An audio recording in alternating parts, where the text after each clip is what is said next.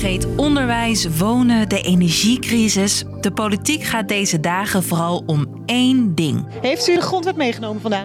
Ja, ik heb er zin in. Is dat goed? de grondwet. Ja joh, de grondwet, dat is mijn ding. Ja, oké Caroline, maar dat geldt niet voor iedereen. Dus je kunt met de grote partij wel van alles willen, maar dat wat je doet moet alsnog ja, binnen die kaders passen. En dat lijkt nu een beetje mis te gaan. Toch is dit stoffige document nu weer hot topic. Hoe dat komt, dat leg ik, Frederik, je uit. Lang verhaal kort. Een podcast van NOS op 3 en 3FM. We hebben het nu al vanaf kwart voor tien vanochtend over de grondwet. En iedereen staat hier een beetje, oh jee, ze gaan praten over de grondrechten en dit en dat en over de rechtsstaat. En oh, oh, wat erg. Het is maar niet erg. Oké, oké, ja, het klinkt dus misschien een beetje saai, maar no worries, het wordt een feestje, want de grondwet is jarig. Hij bestaat dit jaar 175 jaar. En dit heb je misschien wel eens gehoord. Discriminatie wegens godsdienst, levensovertuiging, politieke gezindheid, ras, geslacht, handicap, seksuele geaard of welke. Ja, artikel 1. Maar onze grondwet kent nog 141 artikelen. Een basisdocument van onze staat. Hierin staan de spelregels waar vooral de overheid zich aan moet houden. Bijvoorbeeld bij het maken van wetten. Denk aan de vrijheid van godsdienst, denk aan eh, het discriminatieverbod. Om zo dus burgers te beschermen. Je hoorde trouwens hoogleraar staatsrecht Ingrid Leijten van de Universiteit van Tilburg. Ook de taken van rechters, provincies en de gemeente vind je in de grondwet. Die staan daar allemaal in, zodat we echt een basis hebben om steeds ja, op terug te kunnen grijpen. Als je wil weten, ja, waarom mag de overheid dit eigenlijk doen en hoe ver mag zij daarbij gaan. Dat document is dus stokoud, maar krijgt wel af en toe een update. In 2022 nog. Bijvoorbeeld dat in artikel 1 nu expliciet is opgenomen dat je niet onderscheid mag maken op uh, seksuele geaardheid.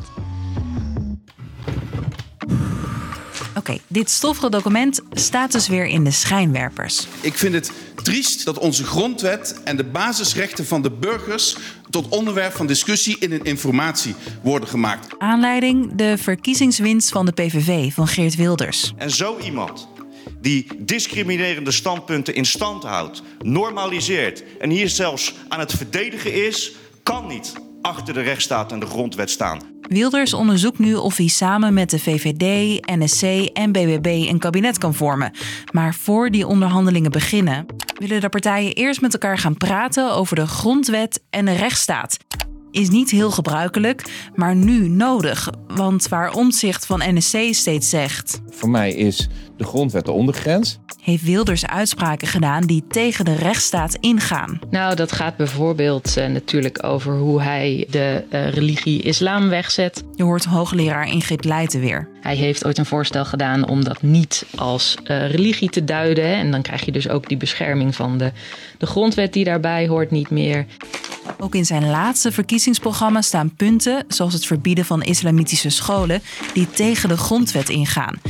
En dus staat de wet zelf nu op de politieke agenda. Heeft u de grondwet in de tas meegenomen? Ach, hou op zeg. Ik ben de minister van Justitie en Veiligheid, denk je zo. Al kan het daar volgens Wilders ook weer snel vanaf. Want wij zijn bereid te doen wat ik net zei. Namelijk, en zeg het voor de 92ste keer, onze voorstellen aan te passen. Die strijd zijn, in strijd zijn met de democratische rechtsstaat of uh, de grondwet.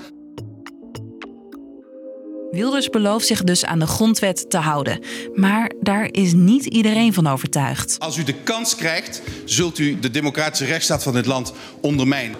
Die bezorgdheid zit hem volgens hoogleraar Leijten in twee dingen. Ik denk dat de zorg enerzijds zit in het feit dat je die grondwet dus ook wel een beetje kunt aanpassen en naar believen kunt interpreteren.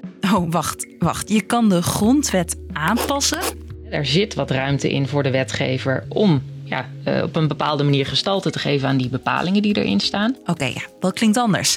De grondwet wijzigen kan trouwens wel, maar dat is vrij complex. Die moet je eerst, net als een normale wet, met een meerderheid in de Kamers aannemen.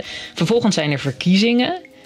En daarna moet er nog een keer over worden gestemd. Voorlopig merken we daar dus weinig van. Al is het volgens Leijten toch positief dat de grondwet weer op de politieke agenda staat. Het is niet zo dat die grondwet, als je die leest, op alles een antwoord heeft. Dus het lijkt me heel verstandig om het uh, daar meer over te hebben. Dus uh, mocht je misschien nog een boek willen kopen voor kerst, is de grondwet dan misschien een aanrader? Absoluut. Nou, dan weet je dat. Dus Lang verhaal kort. Na de verkiezingswinst van de PVV gaat het nu veel over de grondwet. Want dit stokoude document is de basis voor hoe onze macht werkt. Maar de partij van Wilders heeft daar ideeën die daar eigenlijk tegen ingaan. Wilders zelf zegt dat hij zich sowieso aan de grondwet wil houden, maar daar zijn niet al zijn collega's gerust op. Was er meer voor vandaag.